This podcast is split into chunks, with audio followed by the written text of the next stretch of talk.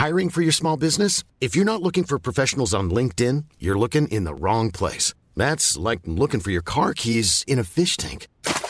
LinkedIn helps you hire professionals you can't find anywhere else, even those who aren't actively searching for a new job but might be open to the perfect role. In a given month, over 70% of LinkedIn users don't even visit other leading job sites. So start looking in the right place. With LinkedIn, you can hire professionals like a professional. Post your free job on linkedin.com slash people today. When you're ready to pop the question, the last thing you want to do is second guess the ring. At BlueNile.com, you can design a one-of-a-kind ring with the ease and convenience of shopping online. Choose your diamond and setting. When you find the one, you'll get it delivered right to your door. Go to BlueNile.com and use promo code LISTEN to get $50 off your purchase of $500 or more. That's code LISTEN at BlueNile.com for $50 off your purchase. BlueNile.com code LISTEN. Hey, I'm Ryan Reynolds. At Mint Mobile, we like to do the opposite of what Big Wireless does. They charge you a lot, we charge you a little. So naturally, when they announced they'd be raising their prices due to inflation, we decided to deflate our prices due to not hating you. That's right. We're cutting the price of Mint Unlimited from $30 a month to just $15 a month. Give it a try at mintmobile.com slash switch. $45 upfront for three months plus taxes and fees. Promo rate for new customers for limited time. Unlimited more than 40 gigabytes per month. Slows. Full terms at mintmobile.com.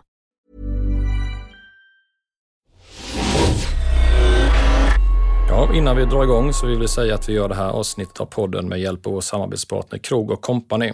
Och som ni kanske vet är Krog Company Jönköpings största nöjesställe med allt från den bästa nattklubben, krogshower till after work-quiz på fredagar. Och snart är det dessutom dags att boka julbord och det ska ni naturligtvis avnjuta på Krog Company. Stort tack för att ni möjliggör det här avsnittet av Vita, gula, blå.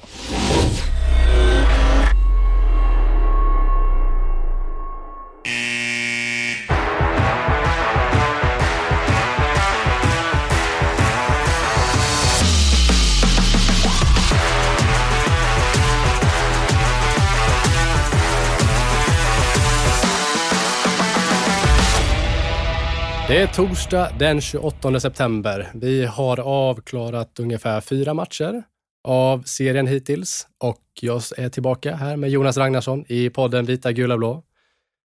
Varmt välkomna tillbaka får vi också säga till alla lyssnare. Ehm, vi önskar att vi kunde vara tillbaka med lite godare nyheter, men HV har precis förlorat eh, med 6-1 mot Modo i tisdags kväll. Ehm, utöver matchen, hur mår du Jonas? Nej, men jag tycker det är bra någonstans ändå att det är ändå det här vi har längtat efter. Efter tre inför-avsnitt så är vi i skarpt läge nu och det har ju ja, det har redan varit lite känslostormar. Men jag vänder lite till dig Karl här. Jag känner dig som rätt strukturerad, har koll på läget. Nu när säsongen är igång, vad har du för puls? Alltså, tar du med dig HVs resultat i vardagen? Vaknar du upp dagen efter match och kan vara sådär grinig och irritationskli? Eller hur, hur funkar du? Tro mig, jag önskar att jag kunde säga nej, men eh, det är ju tyvärr så. Eh, man eh, lever ju, äter, dricker, andas hockey. Det tror jag att väldigt många gör som lyssnar på den här podden. Och det är väldigt roligt att kunna dela det med er, men eh, ibland så är det inte alltid det roliga man får dela, utan det är väldigt ofta det, det är så väldigt tråkiga och hemska och otroligt naggande som man får dela också.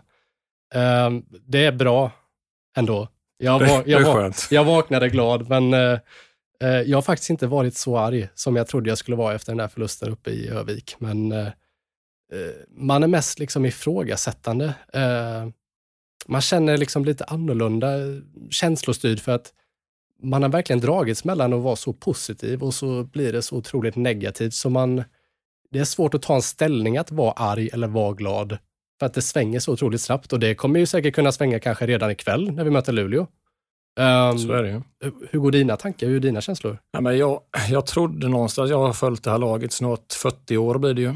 Uh, genom djupa dalar och höga toppar. Uh, på något sätt är det ändå rätt jag finner någonting att sätta mig i den här emotionella berg dalbanan från mitten av september till att hesa Fredrik ljuden någon gång i mars-april när säsongen är slut.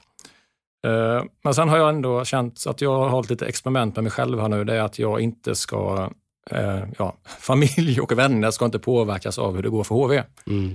Så tänker jag. Så att, eh, och framförallt då fru och två barn när jag kommer hem. Så att när jag kommer hem efter match på garden så ska de inte se om HV har vunnit eller förlorat. Det låter som att det går bättre för dig än för mig på just den där avdelningen. Då. Nu sa jag inte att jag lyckas med det, men jag har, jag, jag har en vision och en målsättning med det. Att jag liksom på något sätt sätter mig i bilen hem efter match, ja. ringer något samtal till jag vet vem jag kan prata med och sen när jag öppnar ytterdörren så ska jag vara egentligen ja, nollställd. De ska inte se om HV vunnit förlorat. De ska nästan inte se om jag har varit på hockey eller om jag har suttit på något föräldramöte. Ja, du låter liksom lika trogen i det där löftet som ett nyårslöfte. Och de vet vi att vi alla håller ju alltid. Men jag, men jag, måste någonstans hitta en balans i det och ha lite mer, eh, vad ska man säga, få ut det och så inte drabba andra med att jag är tjurig också. Där.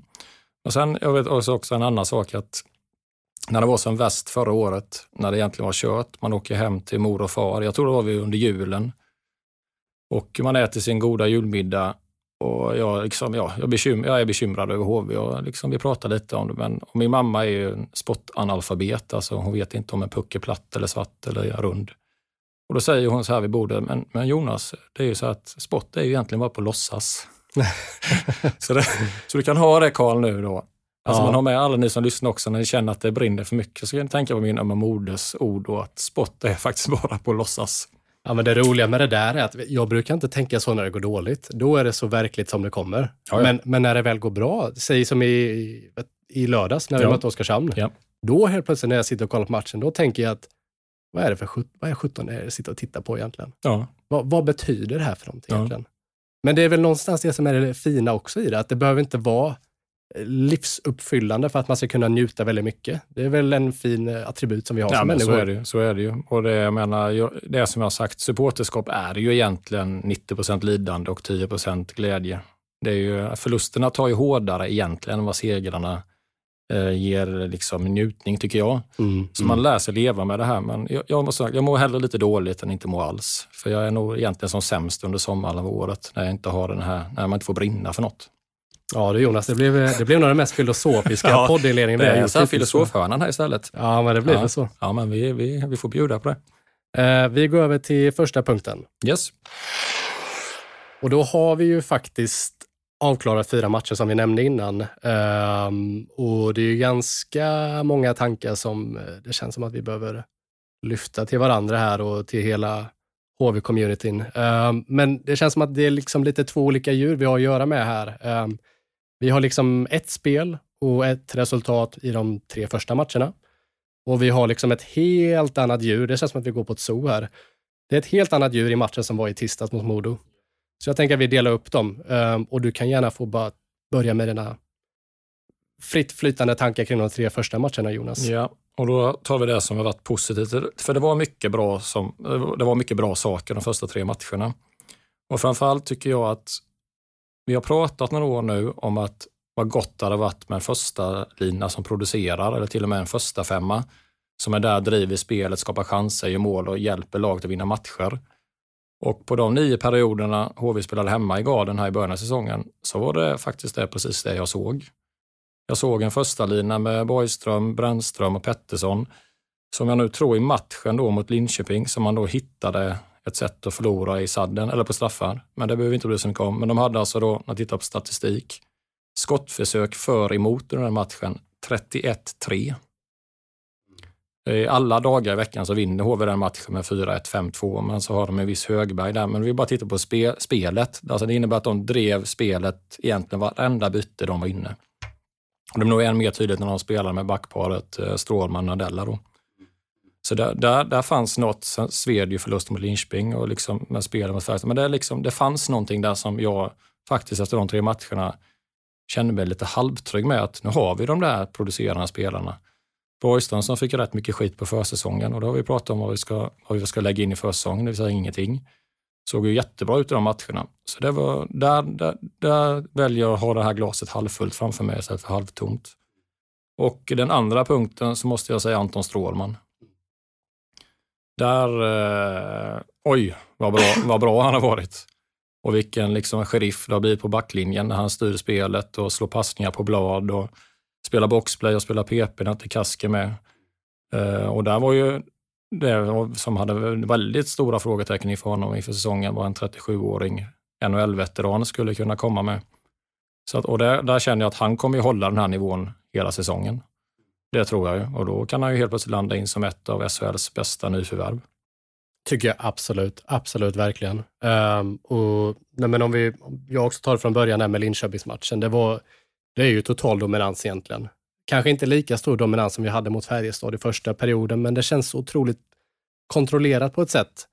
Um, liksom bra flyt i anfallen som jag tycker påminner en hel del om 2017 där.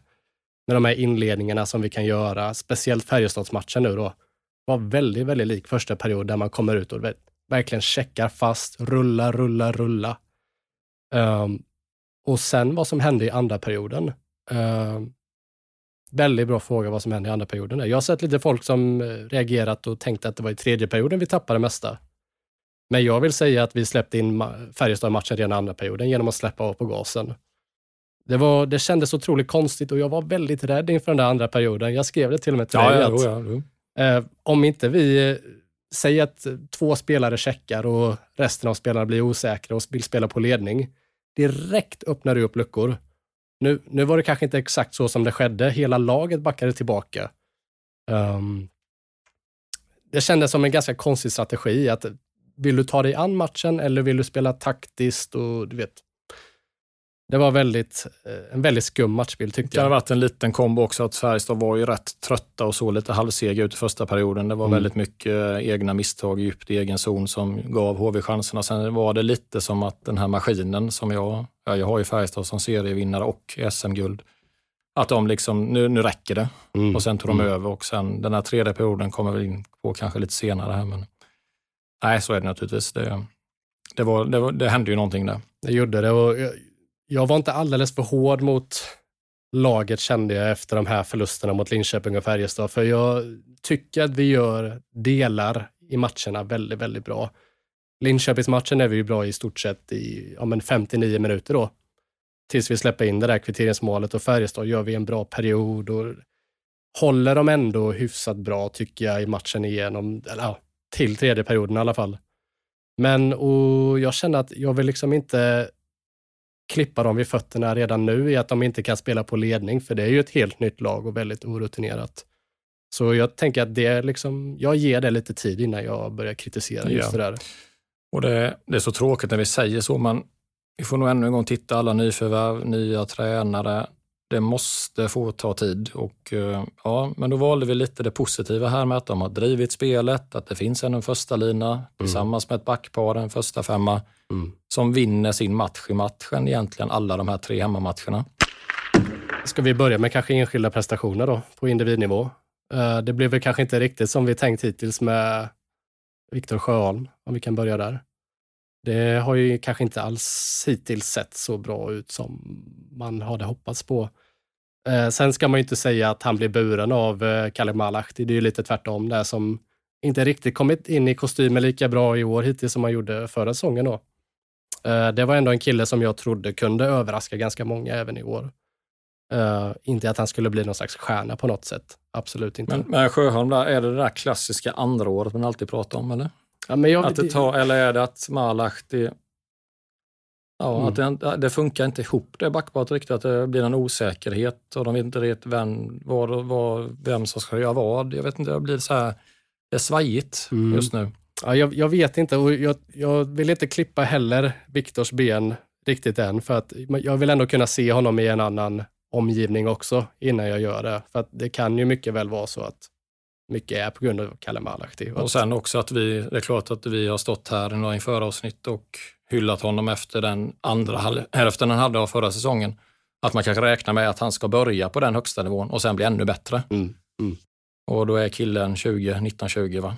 Precis. Så det, men det, man räknar ju alltid med att de ska fortsätta bara. Det ska bara bli bättre. De ska explodera för han var ju så mm, bra under våren och liksom swagger och såg ut som en rund miljon dollar när han åkte runt och ägde båda zonerna i stort sett. Nej, men precis. Och, och likväl som att man drar kanske lite för stora slutsatser i försäsongen så blir det ju även så nu med bara fyra matcher spelade. Och vi har ju faktiskt en Kaski som ska komma in också. Och Malech, det är ju kanske inte riktigt tänkt att spela på sex backar. Så att det är det som är viktigt att veta också. Jag tror att Viktor skulle må väldigt mycket bättre med en bättre omgivning också, en bättre backpartner. Det känns som att de har fastnat väldigt, väldigt mycket i egen zon och kan liksom inte reda ut situationerna riktigt så bra som kanske Strålman gör med Nordella. Uh, Seppele har ju sett väldigt, väldigt bra ut där. Alltså, på tal om en kille som kan reda ut situationerna i egen zon. Absolut. Pucken är nere i sarghörnorna. Men det, ja, det blir intressant med Sjöholm. Jag tror om man byter, miljön byter lite för honom så tror jag att det kanske kan bli bättre. Ja. Om vi återvänder lite mer till det som vi tycker varit negativt så har jag skrivit kollaps gånger två. Jag har perioden mot Färjestad den tredje, 05. Eh, jag har hela matchen i tisdags. Och jag hade lite den matchen på känn i tisdags för att jag har varit med om den bortamatchen så många gånger nu känner jag. Att HV efter en gärna fin match på hemmaplan några dagar innan ska sätta sig i buss och spela en ganska osexig match. Om det är Gävle eller Timrå. Den här gången var det Övik. Men det är, jag, jag pratar med några jämförde med som att det är någon så här, de åker, ska åka på en hemlig resa. De samlar ihop laget i bussen tidigt i morgon och så det är spännande. Vi har spelat bra i lördags. Vad ska vi hitta på? Liksom? Är det mm. paintball eller är det någon ölresa eller vad ska vi göra? Mm. Och så är det en halvtimme innan match så dyker det upp en hall där framför. Och så stiger Montén ut i någon sällskapsresehatt eller något. Så, nej, nej, nej, vi, vi ska spela hockey. Nej, precis. Spela, va? Ska vi spela hockey idag? Ja. Nej, men det har jag inte. För, vad, idag nu, alltså, ja, det är bara 90 minuter kvar. Men vi har åkt buss liksom i två dagar. Vi kan inte spela hockey nu. Och kom ut. Visst, det är bra fyra, fem första minuterna. Men efter Modos 1-0 mål, då Nej. vet man. Ja. De, de, är inte där och jag, jag vet att det är hockey, jag vet att det är kampmoment. Men det, jag, jag, blir, jag blir så förvånad varje gång en sån match händer. Att de liksom, gör de inte liksom förberedelserna är det någon annans fel? Eller det är liksom, varför kan man inte förbereda sig som att ge det en chans? Man, det känns som man tappar syfte på resan upp. Det, man glömmer bort varför man sitter på bussen eh, ända upp till Övik, tio timmar med buss. Det, det känns som att det borde vara en sån otrolig motivator istället. Att ja, men om jag väl sätter mig och ska åka tio timmar upp och vara borta en hel vecka uppe i Norrland, då ska vi ju 17 göra det bästa utav det, eller hur? För jag vet inte 17 om de, bussen är nog ändå inte framme i Övik än idag, nej, känns det, nej, det kan det inte varit. Det är helt omöjligt. Nej, men då är frågan så här att vi tar en bortamatch, vi tar sista perioden mot Färjestad. Det är ju fyra riktigt, riktigt svaga perioder. Då är frågan så här, är det någon form av strukturfel? Eller har inte liksom eh, Playbook signerad Montén, Davidsson, Gustafsson, har den inte implementerats hos spelarna? Vet de inte hur de ska göra i spelet med e-, egen zon utan puck? Eller är det bara att de inte är påkopplade? Eller är det bara en missmatch av allt det jag säger nu som förslag? Jag vet inte, för jag blev... HV, HV kommer förlora matcher den här säsongen. Mm. De kan förlora matcher stort också någon gång. Men jag trodde någonstans att jämfört med förra året, förra hösten, då var det ett rätt svagt lag. De blev översköljda rätt mycket, några matcher med stora siffror. Men någonstans trodde jag att de kunde bromsa det fallet med de spelartyper som finns i mm. den här truppen. Mm, mm. Jag inbillar mig att en första lina ändå går in och, liksom och gör något mål i en sån här match. Jag inbillar mig att Mackarna sätter en agenda för att det här blir jobbigt för er. Ni kanske vinner matchen, men ni ska fan med få kämpa för det. Mm, mm. Och det, men det känns bara så här slätstruket. Och då undrar jag varför är det det? I omgång fyra då jag blir lite så här tveksam. Sen vet jag, nu spelar vi in det på torsdag som du sa. Vi vet inte hur det går i Luleå-matchen. Men jag vet också att det kommer vara en annan struktur idag. Att de kommer vara hungrigare, mm. att de kommer brinna mer för det, de kommer offra sig mer, täcka mer skott. De kommer vara påkopplade. Mm. Sen säger jag inte att det räcker till seger, det, det vet jag inte. Men det, det, är inte det det handlar om, utan man ser ganska snabbt var någonstans på den här mentala barriär eller mentala graden de är någonstans när matchen börjar. Ja. Jag vet inte. Eh, att det fallerar, är ju som sagt, det blir det ju. Och jag ställer mig mycket frågan till att det inte skett en timeout i någon av de här lägena. Inte att vi på något sätt skulle ha en chans att kunna vända det, tror jag, men på något sätt vet ändå stoppa blödningen och liksom vi pekar ut en ny riktning när det håller på att fallera. För att riktningen går ju konstant ner i de här matcherna vi tappat. Vi skapar ju ingenting alls och det här är ändå ett mod och jag förstår att allting blir ju hur man tolkar det. Och HV tolkade säsongen förra året, förra säsongen, inte speciellt bra med att kunna vara tillbaka och visa att ja, titta, nu är vi tillbaka. Det här kan vi göra. Mode var en helt annan sak. De var här bara för att visa. De har ju varit grymma hittills. Så det är inte att det är ett bottenlag. Det är ett bottenlag på förhand där det, men så som de spelat hittills, inte bara i HV-matchen, har de visat någonting helt annat. Och då är det dessutom med Samporanta borta två matcher, Roma borta två matcher. Eh, Daniel Reagan spelar inte ens igår, trots att han var på plats. Det är jättemånga frågetecken som, ja, de säger liksom inte att de är stjärnor, men det, de gör det bästa med det de har och det lyckades så himla, himla bra. Och eh, På något sätt, Strålman gjorde det bra, Stål Lyrenäs gjorde det bra tills han blev skadad. Då. Men det är så himla svårt att som du säger, man har sett det så många år i, år i HV. Att men första det matchen är, är aldrig bra Det så. kanske är så att all, supportrar till andra lag också har sådana matcher. Ja. När de känner, de vet att vilka skräckmotståndare, så här, de att är en lång resa. Det blir inte lätt i Ängelholm borta, liksom, så är det torsk med 3-1. Mm. Men jag, vet, jag kan nästan säga man vet nästan innan. Mm. Att, och jag, jag kan se det egentligen efter några byten redan, bortsett från de fem första nu som var liksom bra. Men Ja. efter Modos 1-0 mål så är det, den, den matchen är slut vid 1-0. Ja. Det finns liksom ingen tunghet för att, eh, säg när vi mötte Färjestad och vi tog ledning 2-0, då vet man, man sitter och vet att Färjestad är för tunga. De har alltid något sätt att kunna komma tillbaka i matcher. Inte att de vinner alla de matcherna, men de hittar alltid ett sätt, alltid någon kontring, alltid något boxplaymål som de faktiskt gjorde, alltid någon Nygård som får någon friläge. Lik, samma sak med Växjö, det finns en helt annan tunghet. Och jag, jag tror, jag ska inte säga att det är lätt att göra. Jag tror det är väldigt svårt att skapa en sån aura i ett lag, men det är väldigt tydligt att HV har ingen sån sak. Får inte vi första målet, då är vi inte med i många matcher. Kan det, vara, kan det ligga kvar, även fast det är många nya, tänker jag nu, Mm. att det ligger kvar lite, en, jag kan känna som supporter att det finns en ängslan. En ängslan, så fort HV ändå leder matcher och släpper in ett mål i fel läge, Mm, mm. så känner jag att jag själv på läktaren bara, nej. Så här, nu vet jag att Färjestad kommer göra 3-3. Ja. Jag vet att Färjestad snart gör 3-4. Ja, ja, ja. Och, och så, ja, men det, på något sätt det sprider sig och det enda du kan göra för att få bort det, det är ju att vinna matcher Ja. oavsett hur det går till. Exakt. Det är det enda som det hjälper. ja det är att ta ja. kanske två poäng inom bortamatcher och du är dålig. Eller ta någon enkel trea med lite flytt och domslut som är fel. Men det, du kan prata om det, du kan göra gruppövningar, du kan göra om i kedjorna. Det handlar bara om en sak, det är att de ska sitta i omklädningsrummet efter matchen och dela ut den här hjälmen. Mm. Och då har du vunnit Mm. och det är då du bygger upp något. Och, det, och det kan, jag, då inbillar jag mig att det är många nya, att det kan räcka med två, tre raka segrar.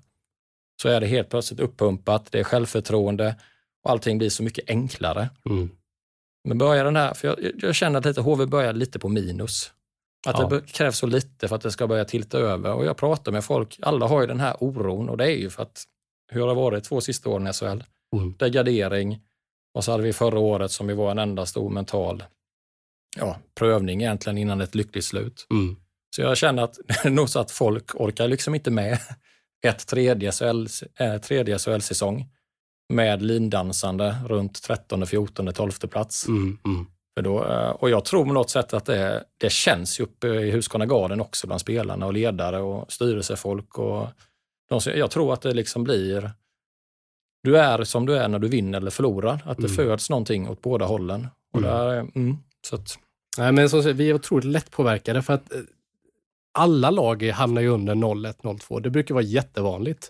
Jag menar, vi såg ju Färjestad-matchen hemma här, och, men så fort vi hamnar under 0-1, 0-2, det är, det är inte det som är hela världen. Det är den här känslan av att vi eh, spelar resten av matchen 40 minuter bara för att minska målskillnaden. Det är inte som att vi ska vända till 3-2, vilket är fullt möjligt. Det ju, händer ju jätteofta. Färjestad gjorde det på oss. Eh, Det känns som att hela tiden känslan är att ja, men då, vi ska liksom försöka minska gapet i alla fall.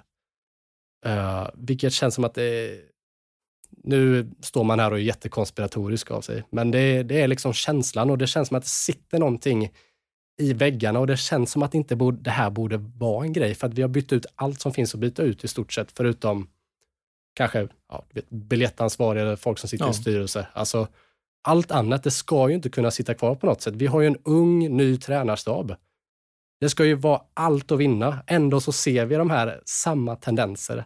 Jag pratar med någonstans lite att det sitter någon form av vinnarkultur i väggarna. Brukar man, jag tycker jag är lite allergisk mot det, men det kanske finns någon lite till det. Jag menar, tänk när HV var som bäst på 00-talet.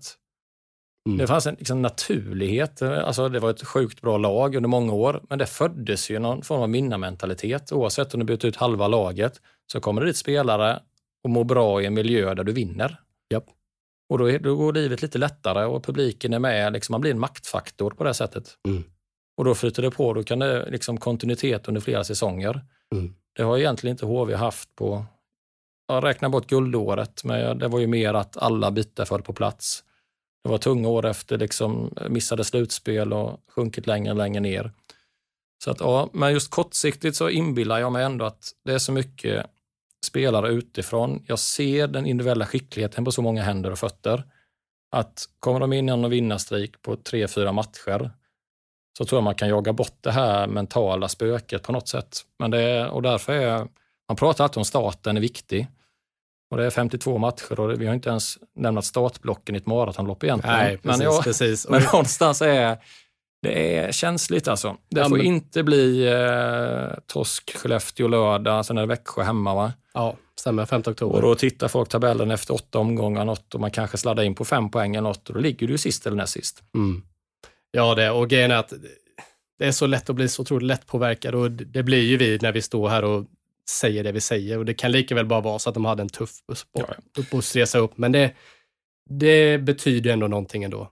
Jo.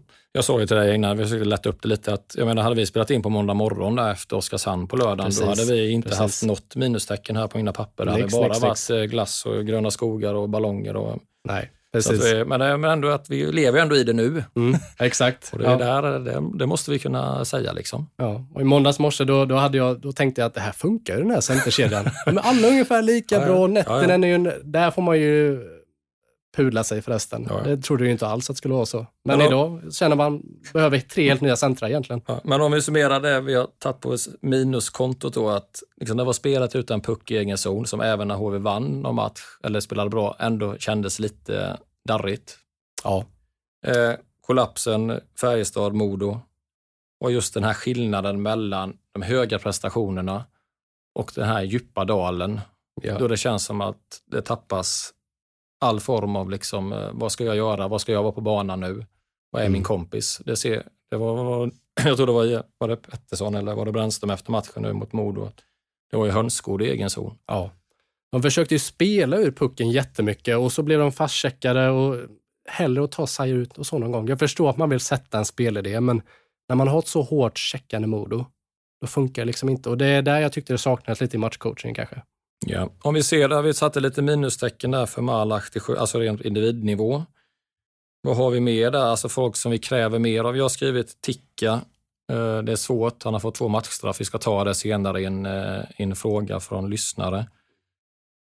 Mm, ja, det har jag satt, eh, då, jag, jag har frågetecken för Tommy Ticka. Jag, det ser lite halvsekt ut. Jag, jag tycker han, han ser ut som en powerforward och han är som en powerforward tycker jag när jag ser honom spela. Ja. Men han är här på treårskontrakt som egentligen uttalad andra center. Mm. Mm. Men vi, vi kan ta det senare när vi går igenom någon fråga där om domarfrågorna. Sen har jag också satt ett litet minus på Forsberg. Och det, det är inget nytt. Vi vet ju att gör inte han mål så är han eh, Alfons Åbergs låtsaskopp i Smolgan. Han syns inte. Och, det det, och alla vet om det. Mm. Eh, Nubben vet om det när man skriver nytt kontrakt, spelarna vet om det och sen kan han få sin zon när han producerar. Jag sa det till förra avsnitt, han var ju en poäng per match första 20 omgångarna förra året. Då tror jag 10, 10 poängligan. Ja. För att avsluta med 0 plus 1 sista 13. Eh, Nu fick han göra mål mot Modo. Det kan faktiskt vara en sån grej som gör att det, då kan han komma in i ett sjok nu och göra sina 10 poäng på sju matcher. Jo, det är lite som Radan Lenz. Han brukar ju alltid säga det går mållöst tre matcher och sen Och när han väl gör det. mål, då är det två per match som kommer. Ja, och det är inget, det är inget nytt, det problemet med, med Forsberg. Det kommer alltid finnas och sen gäller det vilken omgivning och sådär och där kan man bolla och trixa. Men för honom gäller det bara att kanske få göra något mål i PP. Och då tror jag han kan bli i alla fall lite drivande även i spelet 5 mot 5 som han faktiskt var förra hösten. Men en Forsberg som eh, går kall och inte gör mål, det blir väldigt svårt att ha försvara speltid på honom Mm. över, över, eh, över sikt. Ja, och sen tror jag också man får nämna lite att hade deras powerplay-formation varit lite bättre så hade han säkert kunnat stå här kanske med tre eller fyra poäng på de här fyra matcherna. Men den har ju absolut inte alls fungerat. Utöver det, jag vill kalla det lite slumpmål faktiskt. Det var ju inte organiserat, Nej. det som var Men det är ju där, när han får det läget, då är det ofta mål. Ja. Det smäller ju i bortre krysset. Och då nästan vet man nu att han kommer kanske producera nu under fem matcher. Mm. Förhoppningsvis då. Och sen om man laborerar med kedjor och så här, kanske testar om en ny omgivning något. Men, eh, men det, det, är, inget nytt. Folk vet om det. Alla vet om det. Ja. Eh, Sen har jag ett litet minus på Tedenby. Det är också den, det var den stora elefanten i rummet innan säsongen. Mm. Och jag har inte ändrat min åsikt där. Jag, har så, jag vet att det finns en uppsida i honom med den irrationella spelstilen. när Han kan slå ut sin motståndare. Men det, det har inte flugit de här fyra första. Nej, och jag, jag, det kändes verkligen som att man försökte hitta en ny eh, funktion i honom just att kunna spela powerplay. Eh, det som är synd är att han aldrig riktigt varit en sån powerplay-spelare. Eh, du, powerplay är ju ett sånt läge där du inte behöver du ska i alla fall inte behöva vara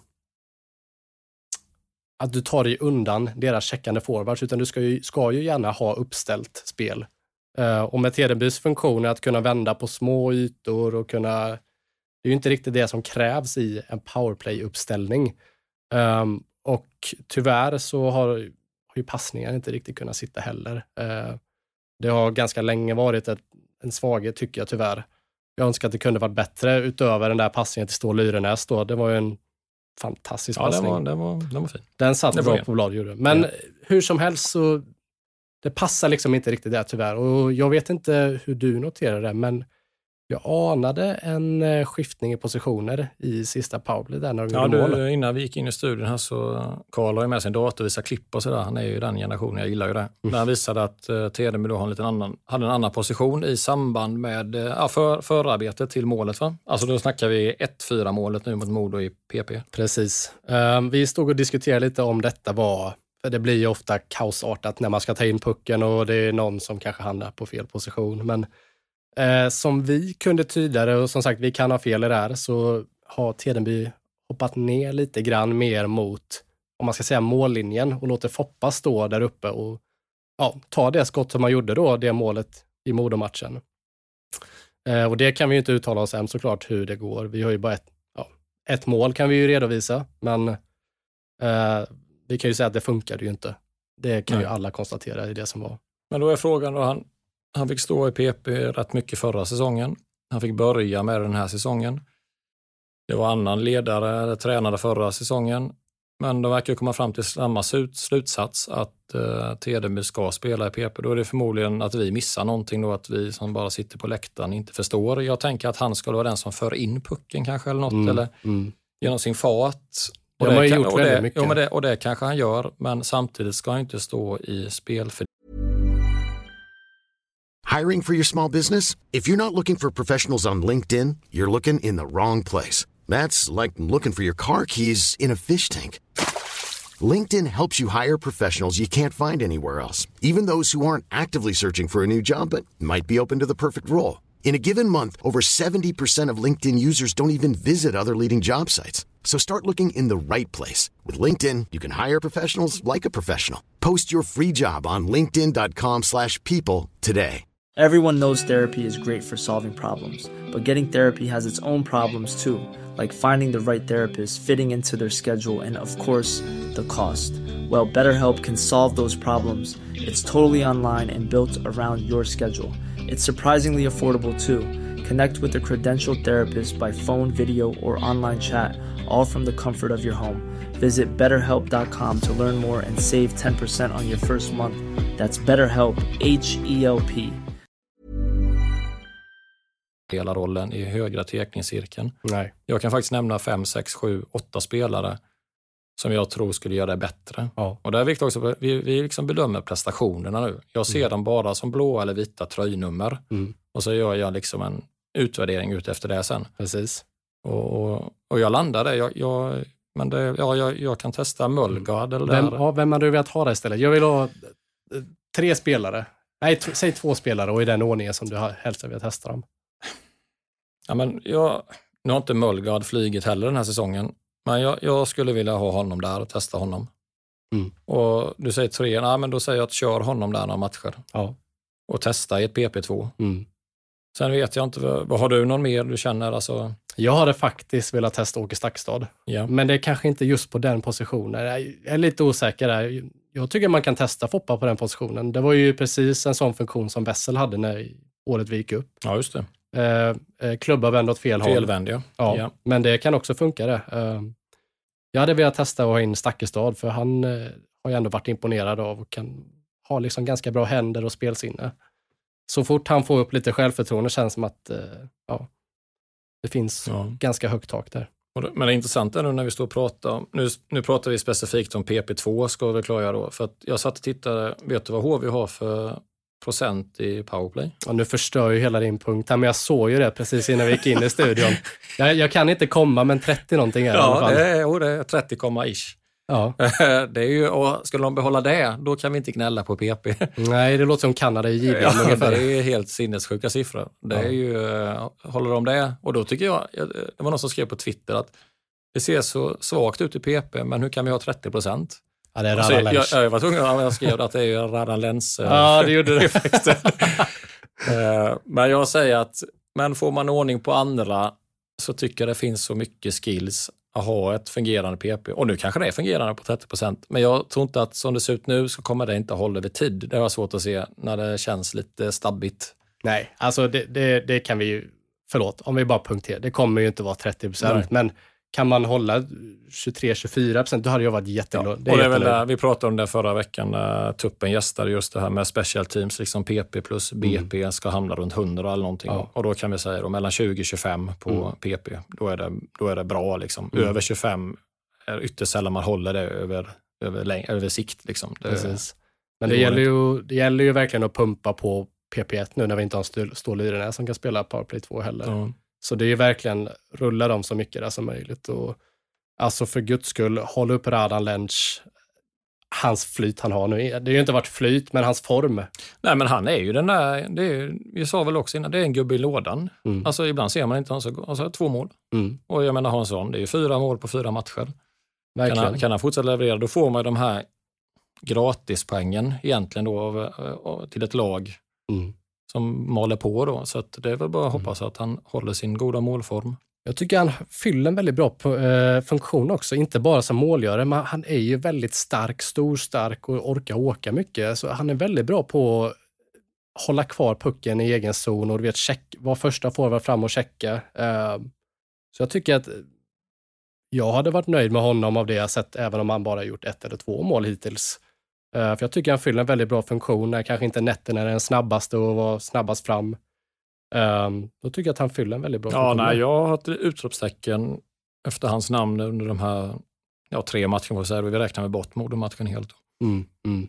Eh, Det var faktiskt så, det kan jag bjuda på nu, att när vi gjorde ett inför avsnitt så hade jag tänkt ställa frågor till dig, eller vi bollar idéer, att nämna en spelare som eventuellt lämnar HV under säsongen. Ja, Då hade jag skrivit ner Lens, för jag kände att jag hittade ingen, ingen roll riktigt för honom och tänkte Nej. att han ville röra på sig. Men det, jag får bjuda på det. Nu sa jag aldrig det, men vi hann aldrig till den punkten. Men bra det så fel, så fel man kan ha, som vanligt. Nej, precis. Men det är ändå intressant det där med för införsnacket var ju att ja, men, jag tror vi ligger ungefär lite 50-50. Vissa saker var fel. Sjöholm än så länge Mm. lite fel då. Nettinen hade vi fel om. Mm. Strålman hade vi rätt om. Ja, Borgström sa vi också att ja. vi inte skulle döma Nej, för snabbt. Det, nej. Men sen tänkte jag, vi snackar PP nu. Eh, Boxplay var väl 100% tror jag första två matcherna. eller Något. Oh, det är nu, nu, nu är det nere på under 70. Är det så? Ja. Jag har faktiskt inte kollat den statistiken. nej, jag än. bara såg det nu eh, och den blev jag så här, oj då, har det läckt så mycket nu i sista? Men där kan jag nog inte se om det är någon, varför det har blivit så. För jag tycker att, och det är också där, man kanske måste se ett större arbetsprov. Det är fyra matcher. Eh, Men det är alltid tryggt att ha en bra boxplay då, men då har ju den fallerat rätt hårt nu sista två matcherna då förmodligen. Jo, precis. Men där är också, jag tycker ändå där det finns boxplay-specialister som ska göra det bra. Vi har ändå Seppele som står och rensar. Vi har smarta forwards som ska ligga rätt och jag tror nog att man kan bygga ihop det. Mm. Nu gjorde det Modo två där i femman där va? Jo, det gjorde Så de nog, men jag tyckte ändå det såg okej ut. Jag tror Mm. Wikegård var inne på det också, den matchen. Vi ändå, ser ändå ut att ligga bra.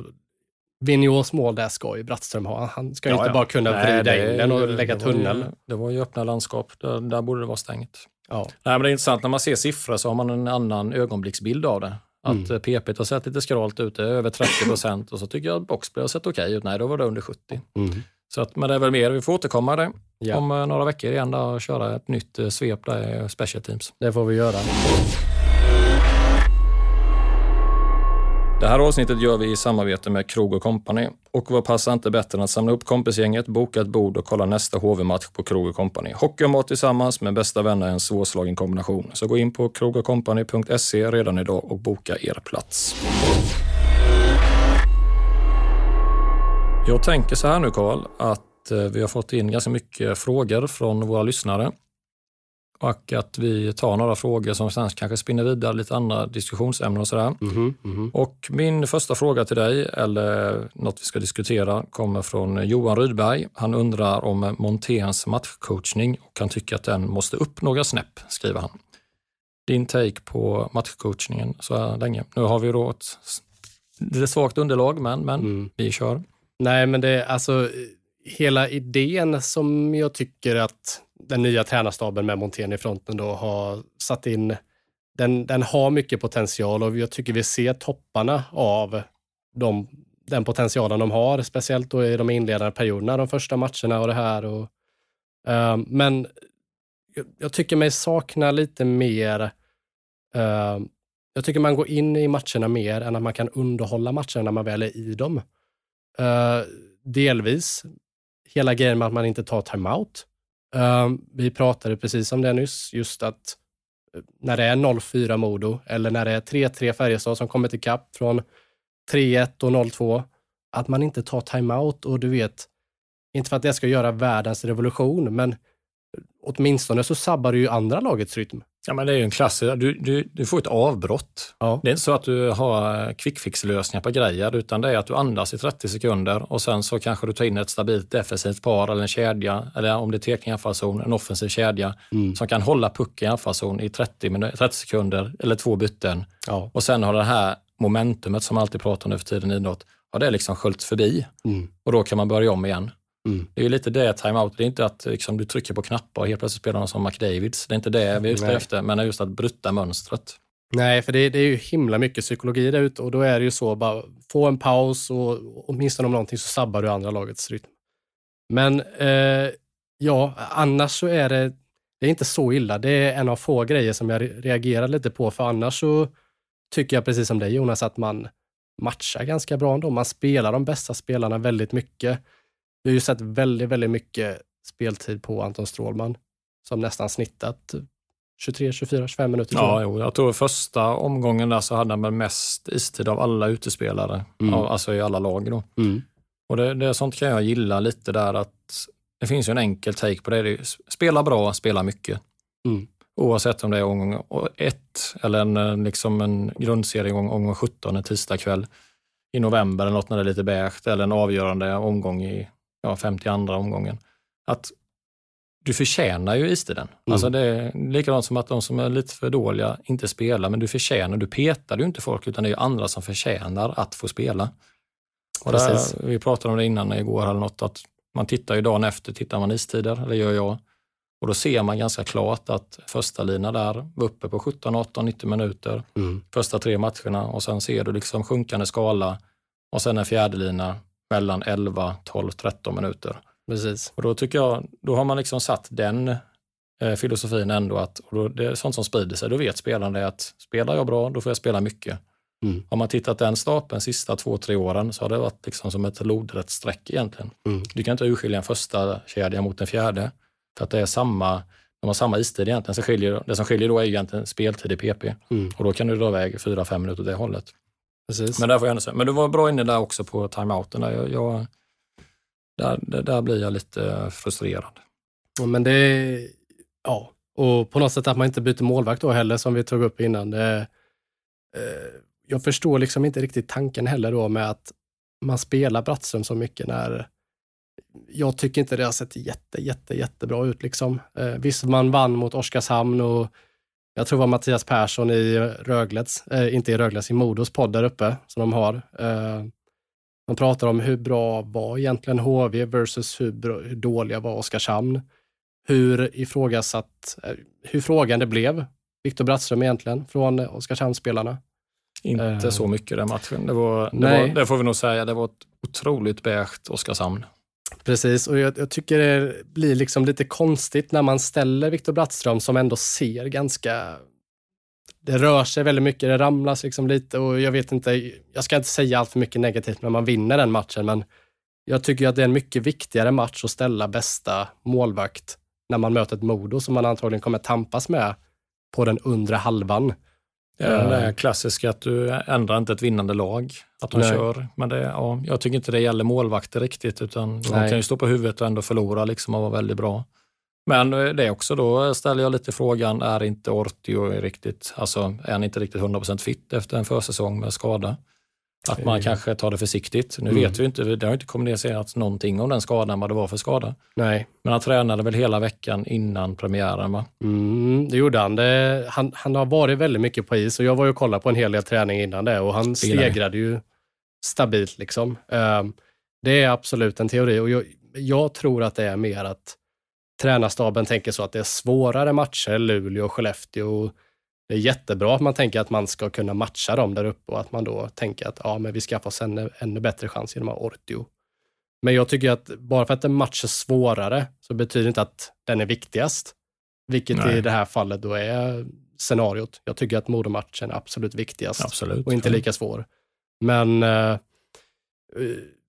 och jag förstår inte varför man inte matchar Ortio mer förutsatt att han är hel då. För att det är ju mycket matchande som fick igång honom förra säsongen och just nu är det ju, har Brattström stått två eller tre Ja, matcher? ja, det blir ju 2-2 då. 2-2, det är Ja. 50 procent. Mm. Det är en för mycket åtminstone i alla fall. Ja, nej, jag, blev, jag tänkte nu kör de ju Ortio hela 0 Kanske att äh, ratten skulle få stå en sista då kanske på lördagen där. Men Mm. jag menar där, för mig är det en 80-20, 70-30 fördelning i matcher.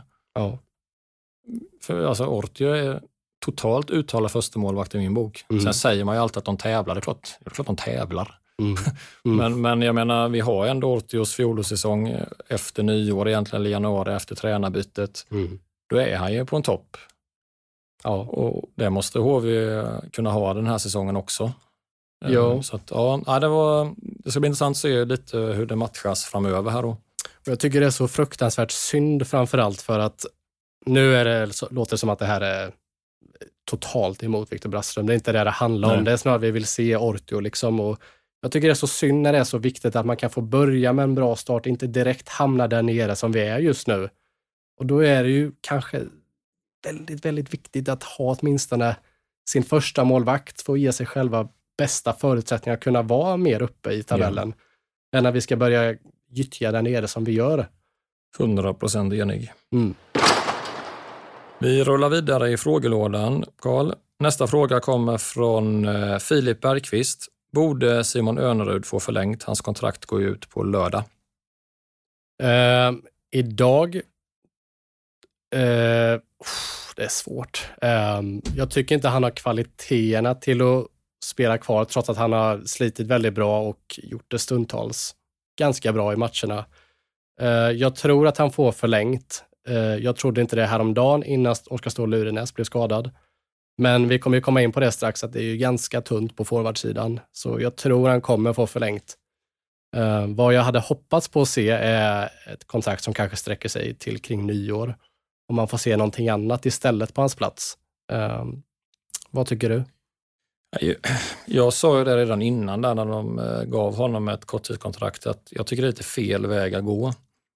Ska man ändå någon gång lyfta upp sina juniorer och låta dem få blomma lite så var det ett jättebra tillfälle att göra det. För vi pratar ganska långt ner i hierarkin. Vi pratar plats 12-13 någonstans i en kedjeformation.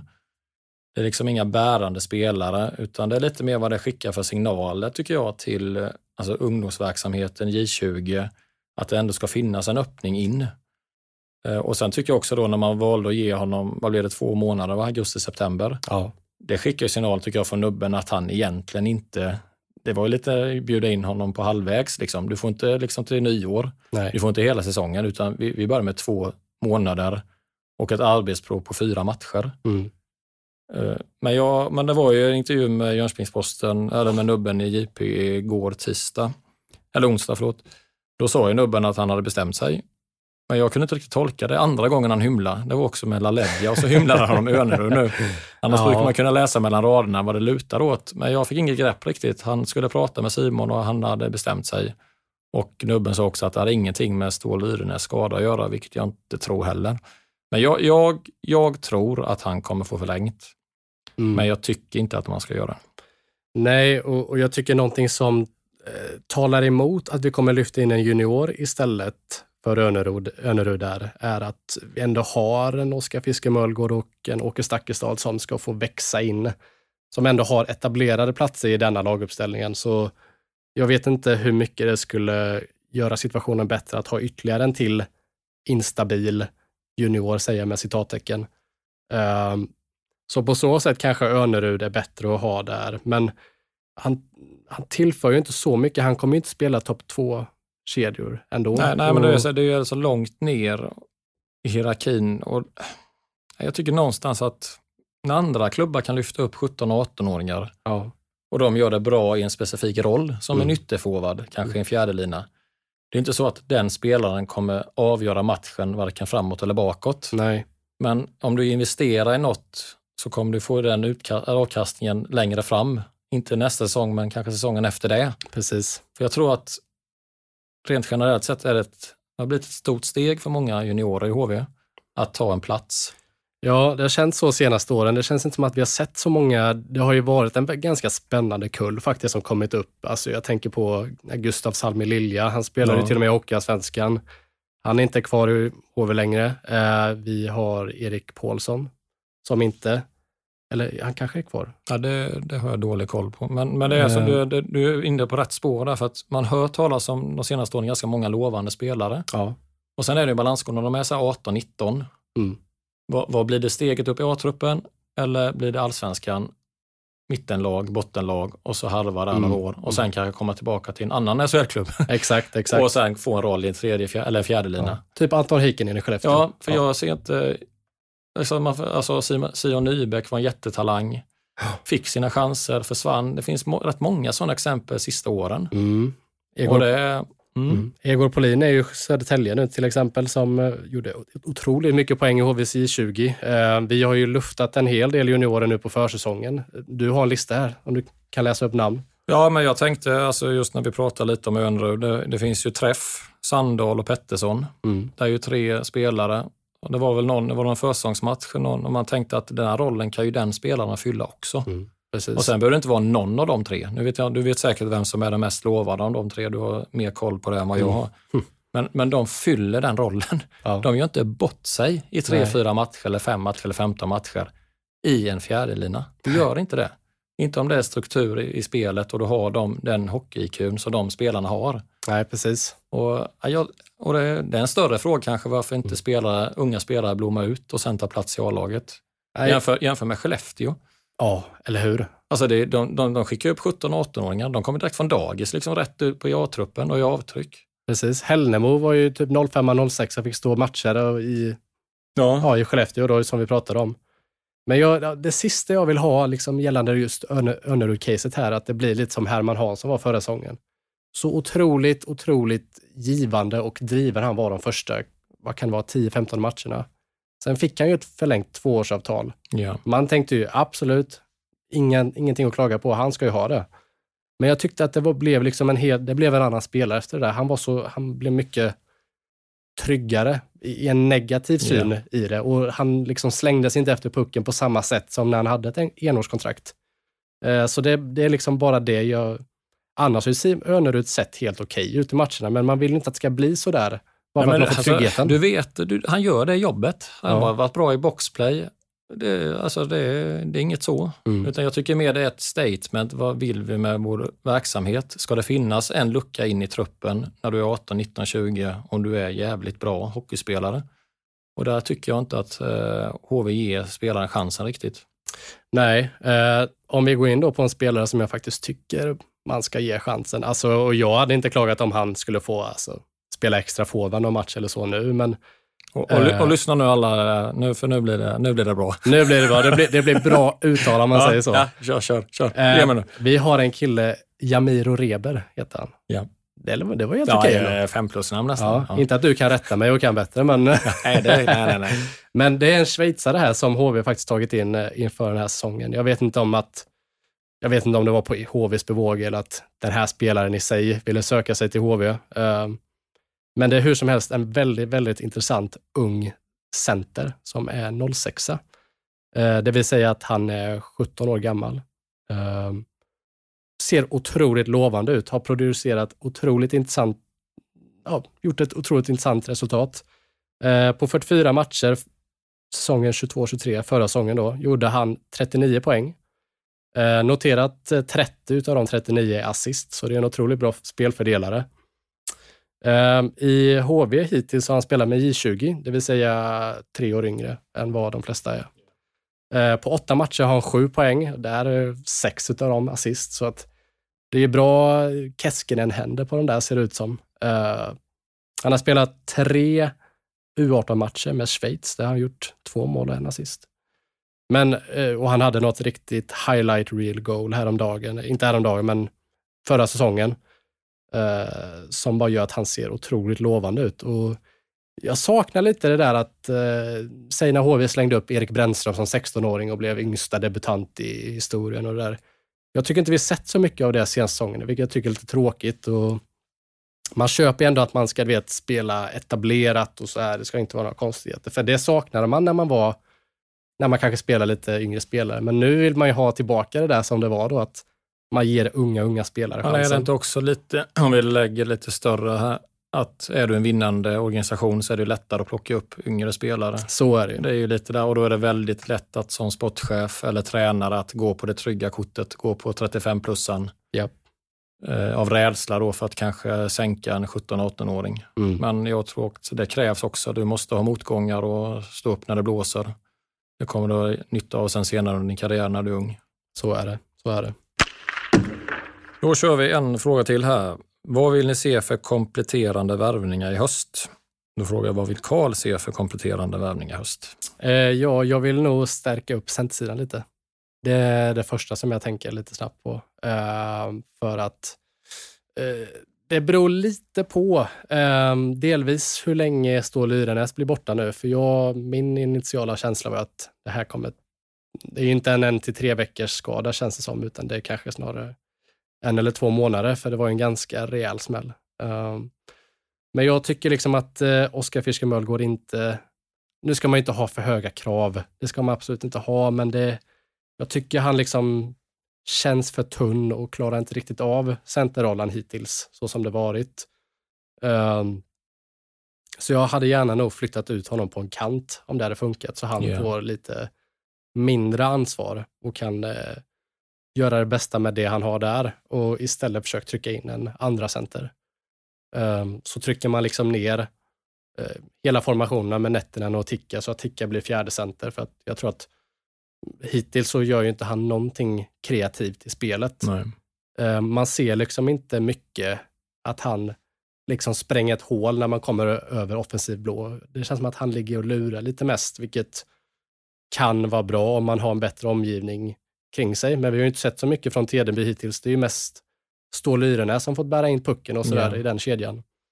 Så en center hade jag jättegärna velat ta in där. Får jag, får jag gissa nu vad du tänker då? Jag tänker på att du tänker på en center som var i HV förra säsongen. Eh, om jag säger ja. Eh, nu kommer jag skifta håll helt och hållet här, men jag, jag tycker inte Shore var så bra. Han är väldigt duktig. Eh, och jag var alltid så här, jag tycker det känns fine om vi har tagit in Shore nu för att vi har Henrik Borgström. Jag var lite osäker på om man skulle ta in Shore för länge med honom och ha honom som första center. Det var jag lite osäker på.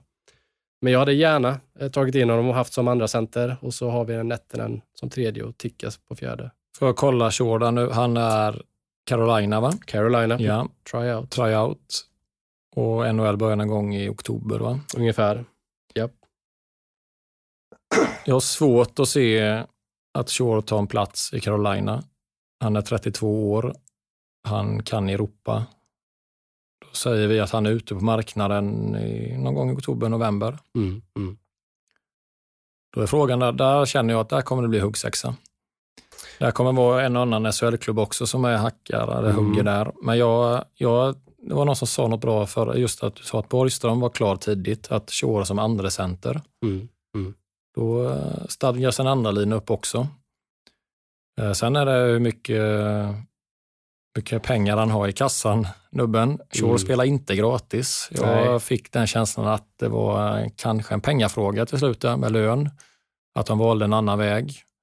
Att de kanske gjorde klart med Ticka tidigt i och för sig, men att eh, det egentligen aldrig riktigt var riktigt nära att förlänga.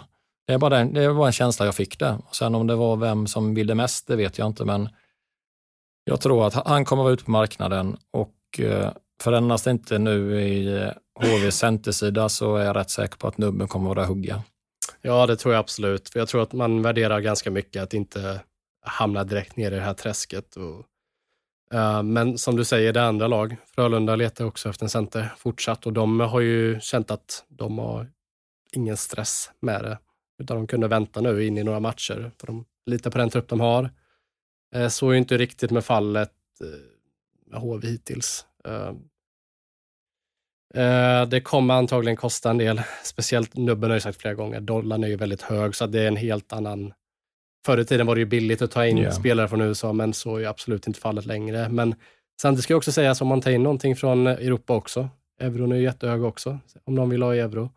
Nej, det är en avvägning vad du får för poäng per peng som man säger, Mm. av eh, alltså göra en utvärdering. Men samtidigt som vi pratade lite om här tidigare i veckan, det är att HV valde att gå in i säsongen med 13 forwards.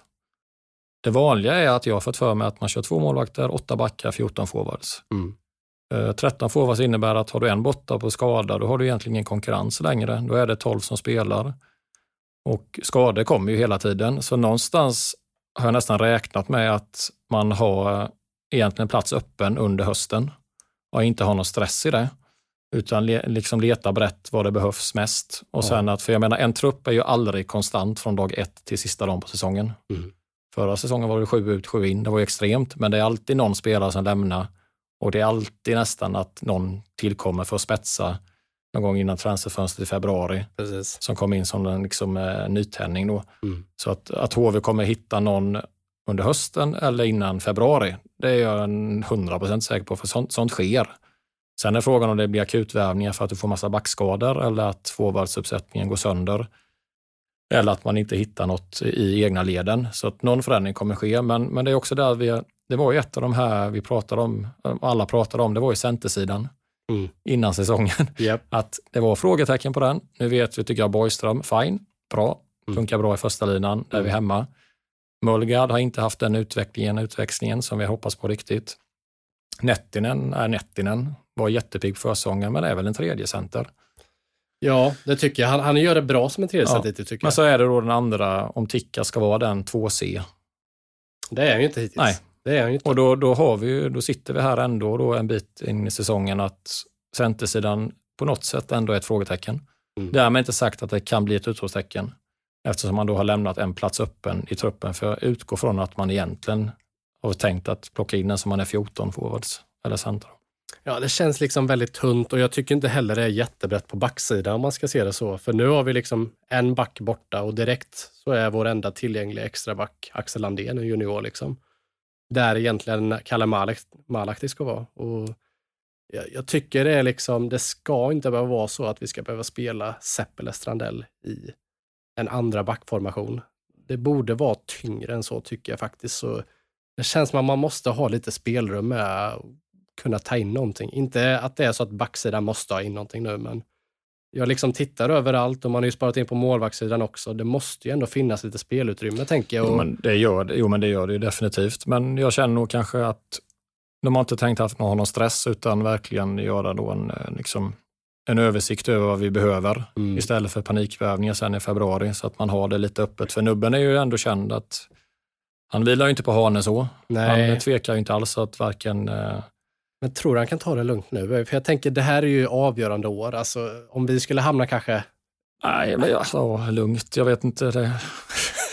vi, vi, vi är ju aldrig lugna, Karl. Nej, nej, precis. Men det... det Nej, men jag tänker att det lossnar väl om några veckor en månad när trupperna är satta i NHL.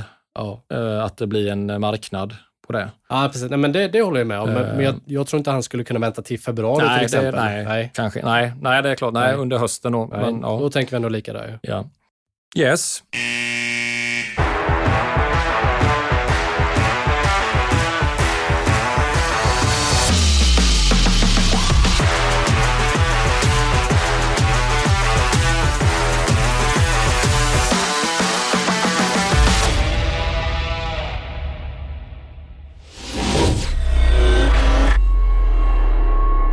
Innan vi stänger ner podden för idag vill jag säga att vi gör det här avsnittet med hjälp av vår samarbetspartner Krog Company. Och som ni kanske vet är Krog Company Jönköpings största nöjesställe. med Allt från den bästa nattklubben, krogshower till after work-quiz på fredagar. Och snart är det dessutom dags att boka julbord och det ska ni naturligtvis avnjuta på Krog Company. Stort tack för att ni möjliggör det här avsnittet av Vita, gula, blå.